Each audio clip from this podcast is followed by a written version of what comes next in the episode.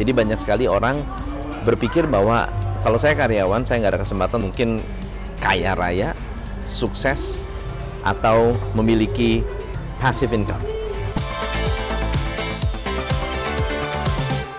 So saya akan membahas mengenai ada tujuh poin yang bisa Anda lakukan untuk membuat Anda menjadi karyawan yang banyak duit. Mari kita simak. Yang pertama,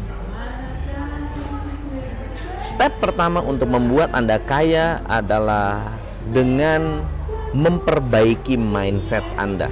Banyak orang sibuk menjadi orang lain dengan ingin memiliki apa yang dimiliki orang lain dengan uang yang tidak kita miliki untuk membuat orang yang kita benci iri dengan kita. Oke, okay, so ini adalah mentalitas yang menurut saya sangat luar biasa. Mencoba untuk cari uang atau mencoba untuk membeli barang yang tidak dibutuhkan pakai uang yang belum kita miliki atau bahkan yang tidak kita miliki hanya untuk membuat orang yang kita benci iri pada kita. Dan ini terjadi di mana-mana.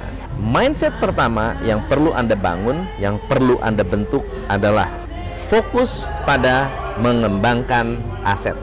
Pertanyaan pertama ketika Anda ingin keluar uang, Anda harus berpikir apakah benda yang saya beli akan menambah daftar aset saya atau tidak. Kalau dia menambah daftar aset, Anda mengambil keputusan yang tepat. Tapi kalau tidak menambah daftar aset, berarti Anda mengambil keputusan yang salah. So itu adalah mindset yang pertama. Mindset yang kedua adalah punya kemampuan untuk berhemat. Jadi ada salah satu kemampuan yang menarik yang dimiliki oleh orang-orang Tionghoa, ya adalah mereka berhemat sampai mereka bisa menikmati uangnya dengan jumlah yang besar atau mereka berhemat untuk bisa mendatangkan uang yang uang ini akhirnya bisa membentuk atau meningkatkan aset mereka beli properti beli emas beli bisnis ini semua adalah sesuatu yang kalau dibiarkan bisa meningkatkan nilai. Ingat, berhemat itu bukan berarti kita harus istilahnya toh-tohan atau kita harus uh, puasa terus-menerus. Hanya minum air, nggak makan apa-apa atau makan satu kali setelah itu Anda sakit, itu artinya bukan berhemat. Yang ketiga, menyisihkan uang investasi lebih dulu dari pengeluaran. Berapapun income Anda, mau income 1 juta, 2 juta, 3 juta, 4 juta, 5 juta, berapapun itu. Sisihkan duluan untuk investasi. Pertanyaannya adalah, untuk orang-orang tertentu, income itu langsung dipakai untuk makan, untuk main, untuk jajan, dan seterusnya. Saya enggak.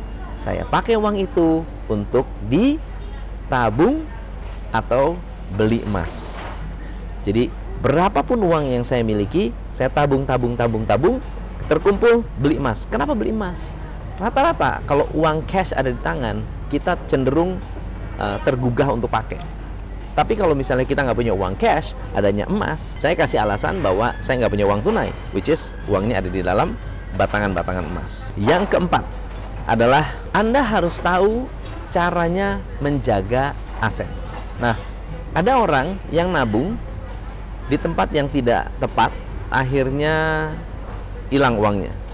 Atau Anda simpan emas, emasnya hilang. So, Anda harus tahu cara menjaga harta Anda.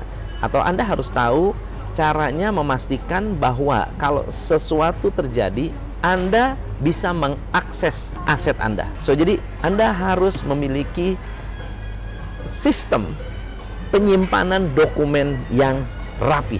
Yang ke lima, coba lihat, Anda tinggal di mana. Lalu kemudian pikirkan bagaimana cara membuat tempat tinggal Anda menjadi sebuah aset bukan liabilities. Di rumah saya di Bogor, uh, saya pernah pakai untuk uh, disewa karena ada lapangannya saya pernah sewakan untuk penyimpanan gerobak-gerobak tukang roti. Rumah jadi aset. Yang kedua, saya pernah buka meja untuk jual makanan yang dibuat oleh orang tua. Jadi setiap kali mama masak, saya ikut jual makanan itu di meja, di depan pintu rumah. Oke, so jadi gunakan rumah Anda sebagai aset atau jadikan rumah Anda sebagai alat untuk menambahkan ekstra income. Yang keenam, ini adalah sesuatu yang mungkin tidak terpikirkan atau mungkin kalau dipikirkan sering kali kita masa bodoh. Oke? Yaitu proteksi. Meskipun income kecil, saat Anda memiliki kemampuan, saat Anda muda terutama, Anda harus beli asuransi. Kenapa asuransi ini adalah salah satu alat untuk memastikan bahwa Anda bisa kaya. Nomor satu, kalau Anda tidak punya asuransi, Anda mengalami sakit kecelakaan masuk rumah sakit, Anda harus mencairkan aset dan harta Anda. Kalau Anda punya asuransi, asuransi yang akan menjaga kesehatan Anda atau asuransi yang akan membayar pengeluaran-pengeluaran dari rumah sakit. So, beli sesuatu yang bisa menjamin bahwa Anda sebagai penghasil income itu terjaga asetnya. Anda terjaga oleh apa? Insurance. Yang ketujuh adalah belajar bisnis. Meskipun Anda karyawan, Anda jangan berhenti untuk belajar mengenali teknik-teknik membangun bisnis. Mulailah memulai bisnis, mulailah jualan, mulai sesuatu yang kecil, mulai sesuatu yang bisa Anda pakai untuk menjual apa pun dan ini adalah salah satu cara untuk melatih Anda pada saat Anda punya bisnis beneran. So teman-teman, semoga bermanfaat. Ini adalah 7 tips untuk membuat Anda kaya meskipun Anda adalah karyawan. Saya Tom MC Ifle, salam pencerahan.